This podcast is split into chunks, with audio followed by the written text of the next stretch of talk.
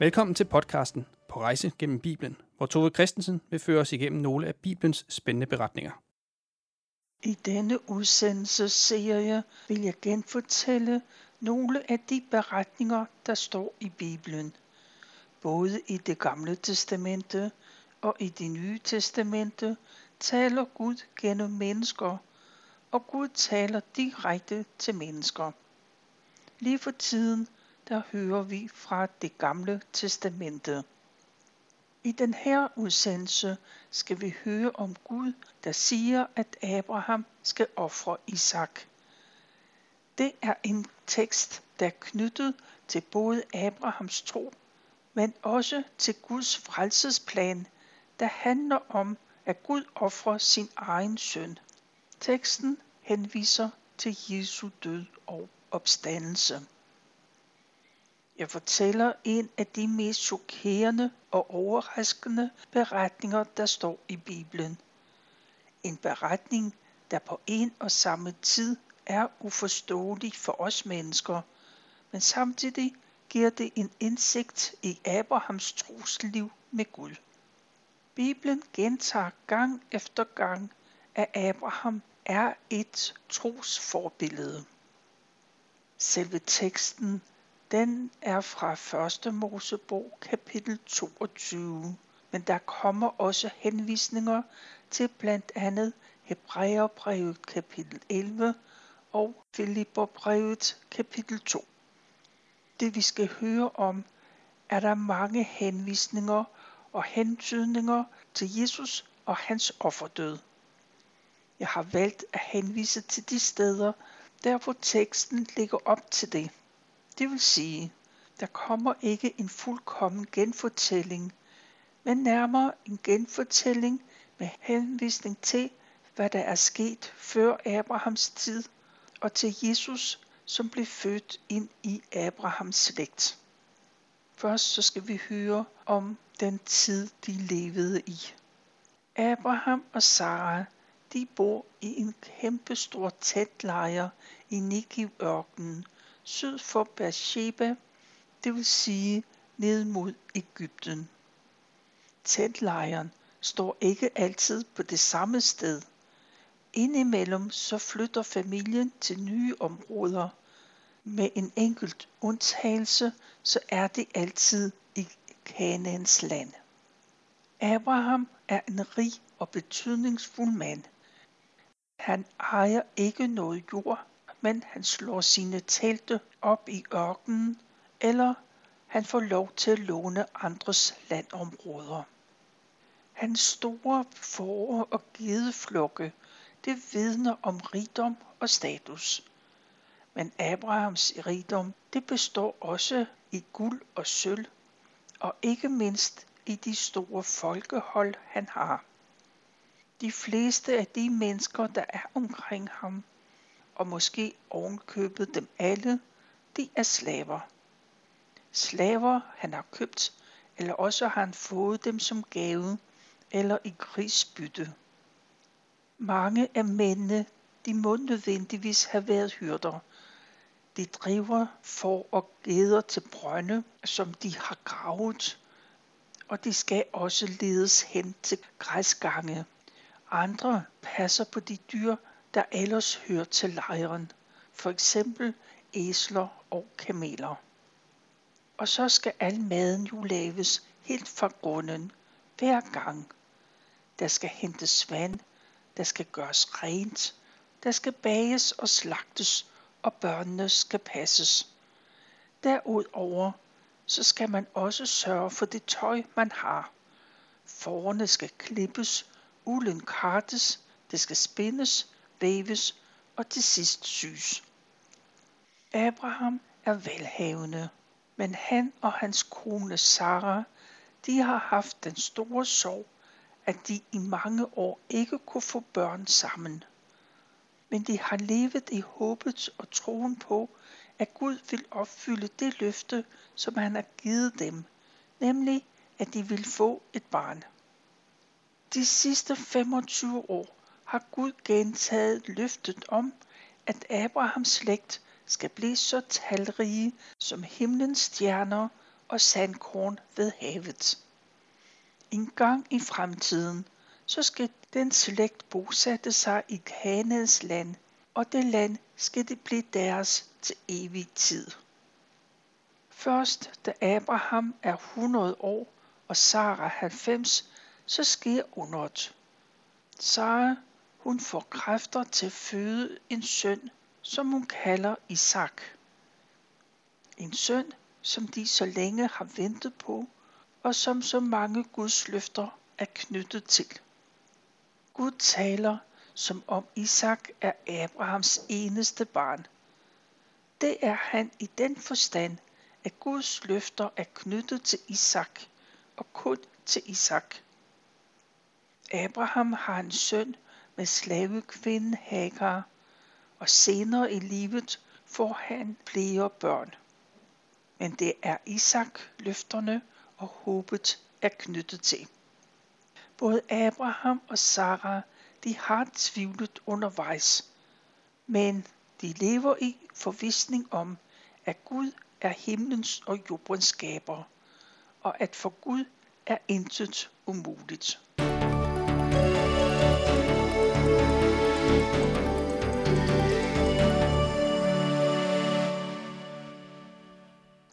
Lyttede til Louise Frøkjær, der sang Du levende ord.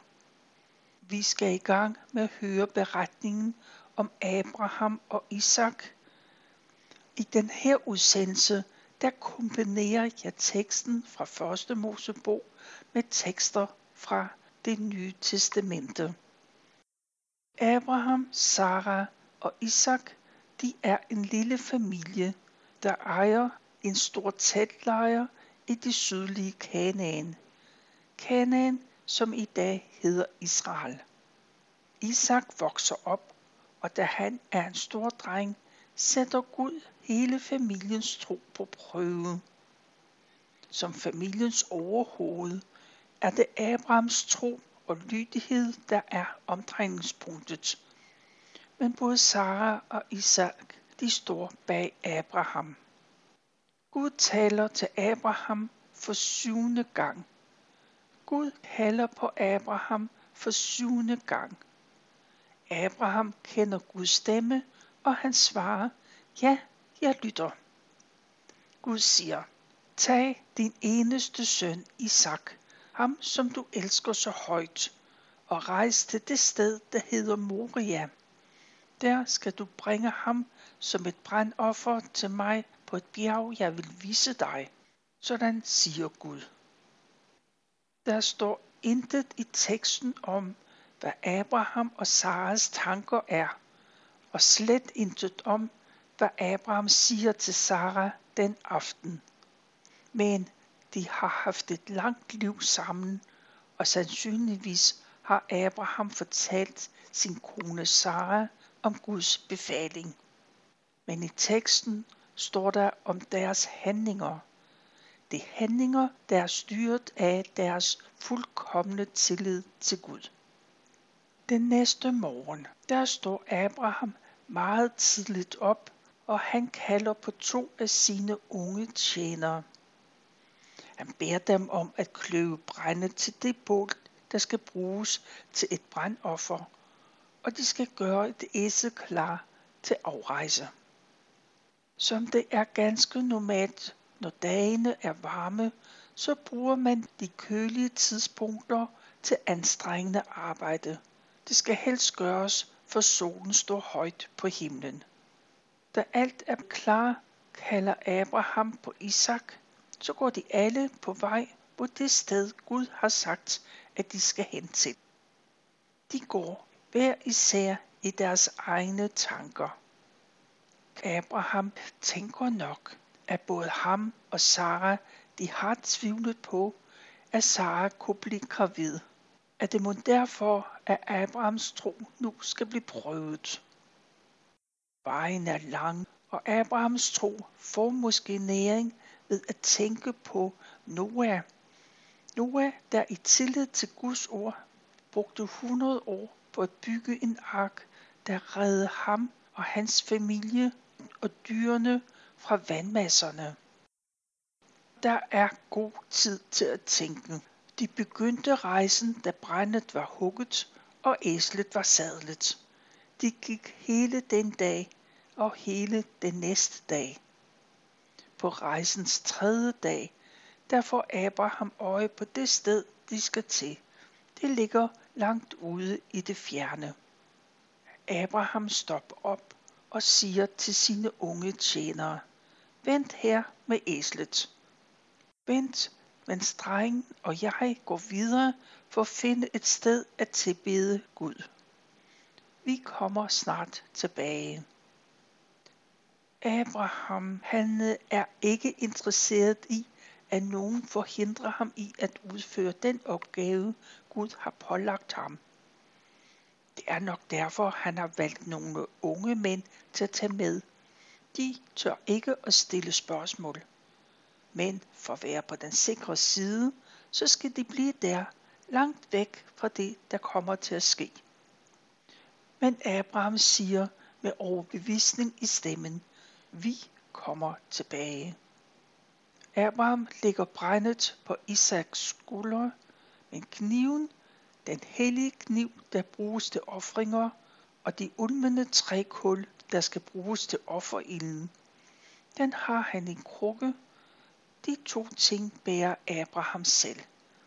Og så går de to, far og søn, de går alene videre. På sine skuldre, der bærer Isak brændet til offerstedet. Jesus, han bar den planke, han skulle korsfæstes på. Begge gør det frivilligt. Forskellen er, at Isak ikke er klar over, hvad der skal ske. Det finder han først ud af senere. Jesus derimod er fuldt ud klar over, hvad der venter ham. Han har vidst det allerede før Gud skabte verden, og dermed også før mennesket blev skabt. Isak går sammen med sin far, og han undrer sig.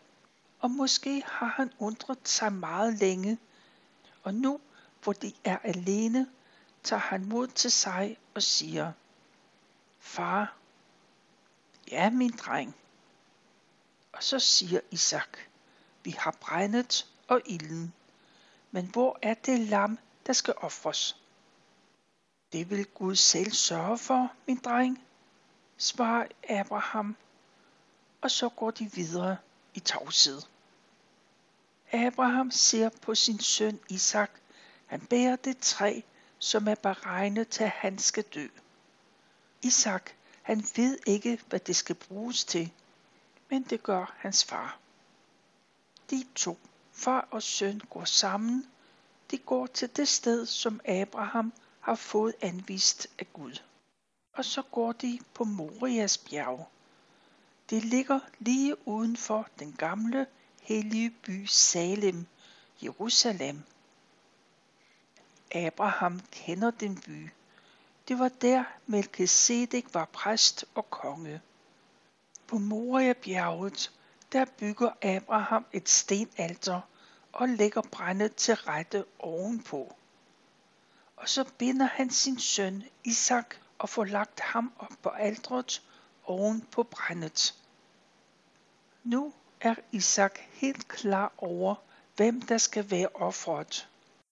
Isak han har nok haft mulighed for at slippe væk fra sin gamle far, som er over 100 år. Men Isak gør det ikke. Han stoler på sin far. Han ønsker at gøre det, som hans far vil have ham til. Det minder os om, at Jesus kunne have sluppet for at lide korsdøden, men han valgte at blive oppe på korset og dø. For det var sådan, hans far ville have, det skulle ske. Der på Moria-bjerget tager Abraham kniven og løfter det i vejret for at dræbe sin søn. Han vil ofre ham til Gud. Men her slutter ligheden med Jesus. For i det øjeblik, der lyder der en røst fra himlen, der råber – Abraham, Abraham.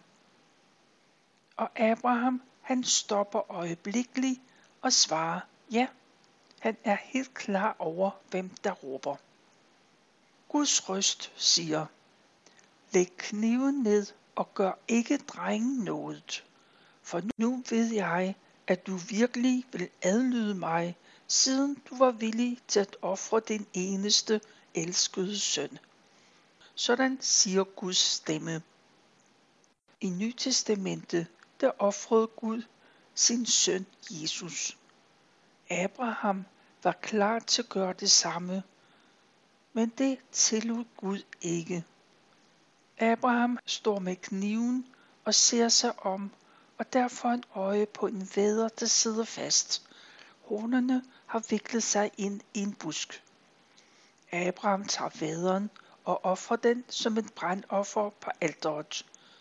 Dyret blev dræbt og offret i stedet for Isak. Abraham kalder det her sted for Herren sørger for os. Derfor bliver stedet for eftertiden kaldt på bjerget vil Herren sørge for os. Og på det bjerg sørger Gud virkelig for os mennesker.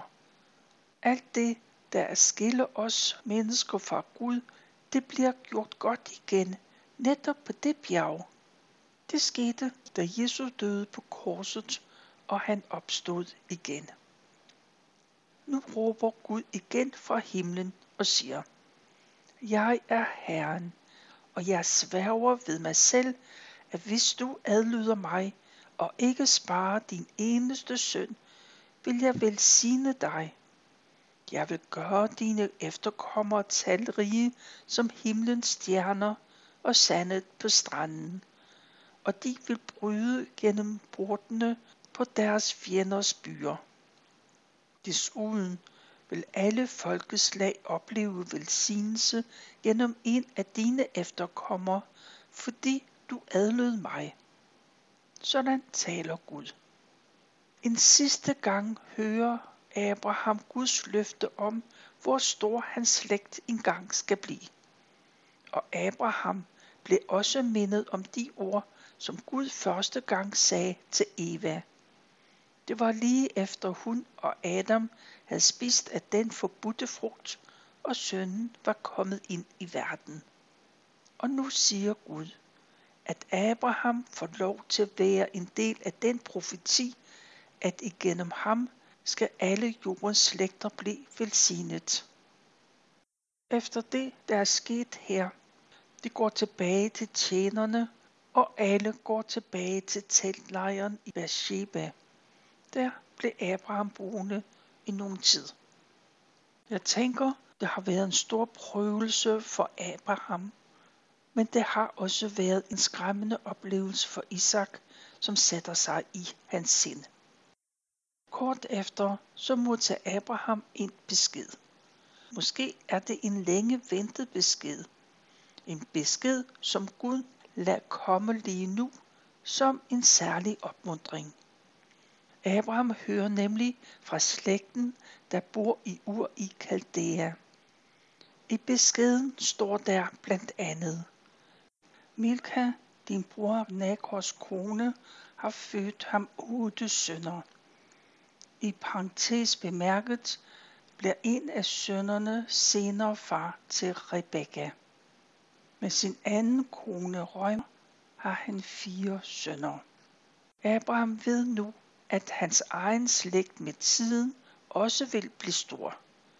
Nu kan han have ro i sindet. Han er ikke den sidste i slægten. I den her beretning om Abrahams tro, det bliver et forbillede for de næste mange generationer.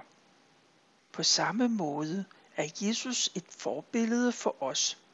Det er Jesu indstilling til Gud og til mennesker, vi skal efterligne. Det var beretningen. Her til sidst vil jeg lige uddybe. Den jødiske tradition siger, at det primære sted for Gud på jorden er Moria bjerg. Det sted, hvor kong Salomon byggede det første tempel i Jerusalem. Det samme sted, hvor Abraham skulle ofre Isak. De to begivenheder foregår på samme sted – det vidner om betydningen af den tro, Abraham udviste, og den tro er blevet fremhævet lige siden. Jeg har fortalt fra 1. Mosebog kapitel 22 og henvisninger blandt andet til Hebræerbrevet kapitel 11 og Filipperbrevet kapitel 2. Og fra påskens begivenheder, for eksempel fra Markus evangeliet kapitel 15. Derudover har jeg kigget i den store norske studiebibel. Det er slut på denne udsendelse. Tilbage er der kun at sige tak for nu, og tak fordi du lyttede med.